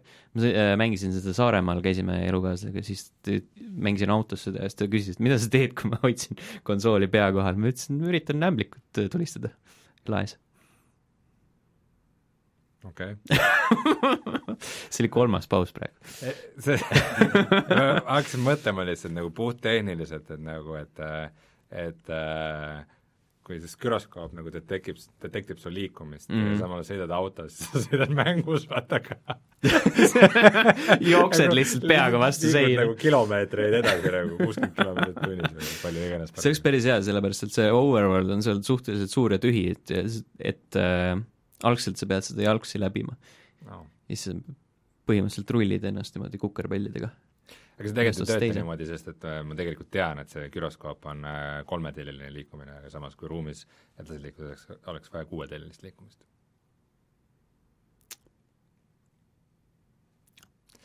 Nintendo pole ühtegi kuue, kuueteljelist asja, sellepärast ka Veel. Nintendo VR ei toimi veel. Mhm. võib-olla tulevikus kunagi mm, Mhm. -hmm. muidugi, miks mitte. aga mitte veel. Äh, Ma lõpetuseks veel mainin nii palju, et mind on veel sunnitud mängima Hunt Showdowni natukene, jõudsin sinna punkti selle mänguga, kus ma nagu nii palju juba midagi sain hakkama ja oskasin, et tekkisid mõned põnevad momendid, et äh, kui me sõbraga äh, tapsime ühe bossi ära ja siis pidime seda bossi maja nagu kaitsma nii kaua, kui see mingi token sulle tekib mm, -hmm. niisugune banishing faas nagu, et sa kõigepealt võitled bossiga, kui boss ära sureb, siis ei ole see, et oo, et võtame varanduse ja jookseme minema, sa pead nagu mingi aeg seda hoidma ja kõik kaardid näevad seda ja siis äh,, siis sealt tekkisid mingid päris pinevad võist-, võitlused äh,, mida me kahjuks kaotasime, aga, aga oli šanss, et võib-olla isegi ei kaota äh, Aga mis mul võttis täielikult moraali maha, on see, et ma avastasin, et peale surma saab äh, spectate ida teisi mängijaid mm. -hmm. ja siis sa näed nende ränki. Ja mm, muidu nagu mängid ja mõtled, et noh, niisugune noh, või, võist-, võistluslik mäng, et eks ma ikka saan paremaks selles. aga seal on vist nagu äh,, et kuni level sajani saab minna, ma pakun, ma olen kuskil level neliteist, Mm -hmm. ja siis sa saad prestiižida, et sa nullid oma leveli ära, aga Mhm. sul on üks prestiiž. ja kui ma nägin, et äh, meie, meiega samas mängus oli üks tüüp, kellel oli prestiiž kakskümmend viis, ehk siis mina olen level neliteist ja tema on tehniliselt level kaks tuhat viissada. siis mul Okei. läks mänguisu ära Mm -hmm. ja siis ma mõtlesin, et äh, ma vist ei taha selles mängus heaks saada kunagi, sest et äh, see on lihtsalt tuim grind. mis peab ütlema Hans Showdowni jaoks äh, äh, nagu head, on äh, see, et äh, kui ma olen vaadanud nagu spectate inud nagu kogenud mängijaid või kes on kõrgemal levelil, siis nende relvastus on nagu täiesti teistsugune, et äh, mul on mingid püssid ja vintpüssid ja revolvrid ja võib-olla mõni pumppüss ja nagu umbes niisugused asjad, siis neil on mingisugused mürgianumatega ammud ja mingisugused väga nagu teistsugused asjad, et see, need, see relvade hulk ja see meta, mis nagu seal toimub, tundub nagu päris põnev mm.. see on nagu noh, mingis mõttes muidugi demoraliseeriv, et oi, et neil on palju paremad relvad kui mul, aga aga on ikka nagu tore näha, et kui sa mängid seda mängu veel, siis ei ole see, et aa, ma sain nüüd veidi parema damage'iga nagu shotgun'i, et ähm, ja selles mängus ei ole ka nagu relvad kõige olulisem, et pigem on nagu niisugune tark ajastus ja tark positsioneerimine ja ja vaikselt, aga kiiresti kaardil liikumine ja niisugused asjad on nagu olulisemad. huvitav mäng, aga ma ei tea. jõhker, et nagu nii palju viitsitakse mängida, et kuskile level kaks tuhat viissada jõuda. See on nagu alati mind üllatanud, et iga, ükskõik mis mäng, kuhu sa lähed, on alati mingi inimene, kes on sinna sisse pannud kümme tuhat tundi. Mm -hmm. see ei ole kõige suvalisem halvem mäng üldse, siis mingi tüüp on, aa, mul on kümme tuhat tundi siin sees ja ma tean sellest kõike. mängisime hiljuti äh, sõbraga Fallout seitsekümmend kuute, sest see tuli Gamepassi äh, ja siis proovisime, ei olnud eriti hea siiamaani äh,. ja siis ühel saarel tuli üks Deathclaw vastu me ujusime sealt saarelt ära, samas äh, meie juurde tekkis mingi tüüp, ma ei tea, mingi level nelisada, mingi siukes, siukses stiilis nagu jooksikski sinna, et oo, ma lähen nüüd one-shot in selle Deathclaw ära. siis mõtled, et ta on nagu nii palju mänginud seda Fallout seitsekümmend kuute Hmm. huvitav, mis, mis ta elus viga on? milliseid valikuid ta teinud on võib-olla ta on lihtsalt selle maailma nii suur fänn. mm.? et talub nagu, kannatab ära. olles saanud, olles nüüd vanem ja elukogenum ja, ja palju mänge mänginud, siis mul on nagu natukene tekkinud põhimõte, et äh, keskpärane mäng ei lähe heaks sellest, et sa paned sinna hästi palju tunde sisse. Võib-olla mõni nagu läheb, võib-olla mõni või-, võistluslik või võitluslik, võistluslik äh, mäng, kus sa teiste vastu mängid ja ja seal tekib mingid oma metad ja omad nüansid mm -hmm. ja need on ka ägedad ja noh, mõnes mängus see võib olla, aga üldiselt niisugune, nii kui ma jõuan nagu mängus selle hetkeni, nüüd, nüüd peab grind ima hakkama, siis on nagu davai, aga tšau siis. et äh, ma siis mängin mõnda muud mängu. oli tore, aitäh! ma hiljuti, ma olen seda teemat muidu saates vältinud, aga nüüd see ikkagi tuli kuidagi jutuks, et äh, no ma vahel ikka mängin vanu lemmikuid, nagu me kõik, on ju mm, -hmm. ja mul on Diablo kaks on üks selline mäng, mida noh, Diablo üks ka, aga Diablo kaks ma ikkagi aasta jooksul korra nagu millalgi võtan ette ja natukene teen midagi ja mõtlen, et sellest võiks ikka mingi äge remaster tulla, äkki see aasta tuleb, kõlakad on äh,. Aga ma nüüd esimest korda elus nagu vaatasin selle moode et noh, sellel on mingi oma modding skeene, et nagu, et kurat, nii palju nagu mänginud seda nagu vanilla mängu, et äh, kui ma korra nagu see aasta selle käima panen, siis ma võin ju mingi moodiga selle käima panna. ja ma leidsin niisuguse moodi, et äh, need itemid, mis sulle drop ivad, on lihtsalt paremad, nagu sa saad rohkem mingisuguseid äh, nagu kõrge kõrge kategooria itemid, oled mm -hmm. sa mhm. mänginud kunagi Diablo Seed? kolme olen kolme ainult mm. -hmm. no ühesõnaga mingeid unique set itemeid ja nagu niisuguseid asju saad rohkem mm, -hmm. nagu palju rohkem. ja mitte nii, et see nagu igal sammul päris tuleb, aga nagu kui sa seal mängid läbi mingeid leveleid ja tapad ikka bosse ja värke, siis sulle nagu ikka üht-teist kukub äh,. Nagu märksa rohkem kui muidu. ma mõtlesin, vaatasin seda ja mõtlen, kurat, see on vist ainus viis, kuidas ma tänapäeval viitsiks seda mängida. sest kunagi, kui ma olin nagu teismeline, kui aega oli nagu piisavalt siis Diablo oli üks niisugune mäng, mida ma võisin lihtsalt nagu pikalt-pikalt-pikalt grind ida, aga aga see grind oli ka meeldiv, sest mulle meeldis hullult selle mängu atmosfäär mm, -hmm. mulle meeldis selle nagu mängitavus, see oligi, see lihtsalt nagu oli niisugune mõnus sees olla, et oled nagu õhtul väsinud ja tapad, tapad mingeid kolle muudkui uuesti ja uuesti nagu enam-vähem samades kohtades ja samamoodi ja katsetad erinevaid pilde ja vaatad, tapad samasid bosse uuesti-uuesti ja vaatad, mis sul kukub ja, ja kas sul on mingi tegelane, kellel seda asja vaja on, äkki teeks uue tegelase, kelle ehitad ümber nende asjade, mis sa leidsid. ja, ja mul tänapäeval kuidagi tunnen, et mul lihtsalt ei ole seda aega või viitsimist, et äh, see on nagu, mingis mõttes on nagu nukker olukord see, et kui sa oled nagu mänguarendaja, kes teeb nagu mängu mm -hmm. ja sa teed nagu lõbusa mängu ja seal kukuvad mingisugused asjad mingisuguse protsendi raames, siis äh, siis sa teed nagu niisuguse mängu, mida on nagu tore mängida niisugusel tavalisel mängijal. ja siis tuleb see tüüp, kes on kümme, tahab tu-, kümme tuhat tundi seda mängida, ütleb, aga mida mina teen? mina maksin ka selle mängu eest, mida mina teen? ja siis mänguarendaja ütleb, noh, ma ei tea, ma siis nagu vähendan kõiki neid šansse, et need asjad kukuvad nagu sada korda. ja siis on inimesed rõõmsamad, kui nad selle leiavad siis see tüübil, see kümne tuhande nii tüübil on ikka, mul on kõik olemas. mis, miks mul midagi muud teha ei ole, et nagu noh, et kuidagi ongi, et kelle jaoks sa seda mängu nagu balansseerid või, või mi, mi, mida sa nagu ootad, et et selles mõttes selle moodiga mängimine minu jaoks nagu toimis hästi mm -hmm. ja ma mõtlen, ma ei viitsigi väga nagu niisama enam mängida, et kui mul tuleb Diablo tuju, siis ma tahan, siis ma tahan, et ma mängin seda nagu kaks tundi ja ei ole see, et nende kahe tunni jooksul ma sain ainult mingid vanad saapad mm,. saad selle dopamiinilaksu kätte korralikult. no midagi ma tahan, kahe tunni eest ma tahaks ikka midagi saada mm, -hmm. see kaks tundi ei ole vähe see, see on terve õhtu nagu, ma mängisin seda mängu terve õhtu ja siis ma ei saanud midagi. Mm.. ei saa nii olla. mul on ka täpselt samamoodi niimoodi, vaata, vanemaks jäädes saad aru, et noh, et äkki iga mäng ei pea olema mingi avatud maailmaga seitsekümmend kolm tundi, äh, võiks olla lihtsalt episoodiline värk, siis teed selle ühe leveli ära ja mõtled, et oh, ma olen midagi saavutanud, ma jõudsin äh, punktist A punkti B, see mingit nagu nii-öelda oli, ekraanil oli mingi niisugune mission end screen, et äh, said mingi teatud arvu punkte ja, ja nüüd võid edasi enda eluga minna mm.. Hitmani puhul, esimese Hitmani puhul toimis see jõhkralt hästi.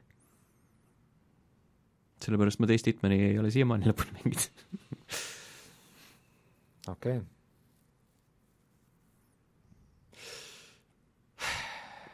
aga me selle peale tuleme tagasi ja räägime sellest, et äh, mis on praegu odav mm. -hmm. kohe, kui ma selle nupu üles leian.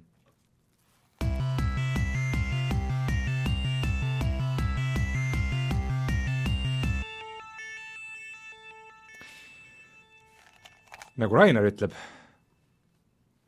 mis võiks olla veel parem kui odav see, kui sa saad mingeid mänge tasuta ja see nädal saab päris palju asju tasuta mm, -hmm. ma ütleks Mhm. äh,. alustame muidugi kõige vägevamast, Quake kaks, jah, kui seda tõesti nagu öelda, aga kui sa installid endale Bethesda launcheri mm, -hmm. seda ma teen kindlasti. siis sa saad seda mängida, sa saad seda tasuta endale ja varsti saad ka Quake kolme tasuta. ma ei tea, kas see on nagu piisav ettekääne, et endale Betesta launcher äh, installida ainult ühe asja jaoks? kuule, aga siit tuleb tegelikult väga oluline küsimus. Kui sa Gamepassis installisid äh, Fallout seitsmekümne kuue, Mhm. kas selle käivitamiseks sa pidid installima ka Bethesda launcheri? Äh, Xbox, seal ei ole niisugust asja. ei pea ka sisse logima mingisuguse Bethesda user'iga või ei, midagi? minu teada küll mitte. kui ma mängisin aasta tagasi Wolfenstein Youngbloodi, siis seal Mm. pidi sisse logima küll, ma mäletan. mm.. Youngbloodiga oli võib-olla mingi, mingi teema, ma ei mäleta, see oli mingi, mingi tüütud element oli seal küll juures Hmm. aga mängisin seda hästi vähe ka niikuinii, see ei meeldinud mulle. ma mängisin selle lõpubossini ja mul siiamaani selle lõpubossi ära teinud, millegi patch isid selle lihtsamaks, aga see oli lihtsalt võimatu varem. aga äh, see oli nali, et see on hea asi, kuigi Quake kaks oli kunagi Diablo kahega üks mu lemmikmänge, siis äh, üks kõige hämmastavamaid diile on see, et äh, Epiku poes on tasuta uus Total War'i mäng, Total War Saga Troy mm. -hmm. siis Trooja eesti keeles. ja see on uus mäng mm, -hmm. ta tul-, ta nagu launch ib, uus suht suur mäng ja ta on kohe Epiku poes tasuta, aga ainult kakskümmend neli tundi. nii et äh, nüüd reede pärastlõunal mingi kell neli umbes see lõpeb ära. ma ei tea täpselt, mis ajavööndi järgi, nii et kõik, kes tahavad seda, minge jookske peale ja haarake, haarake endale.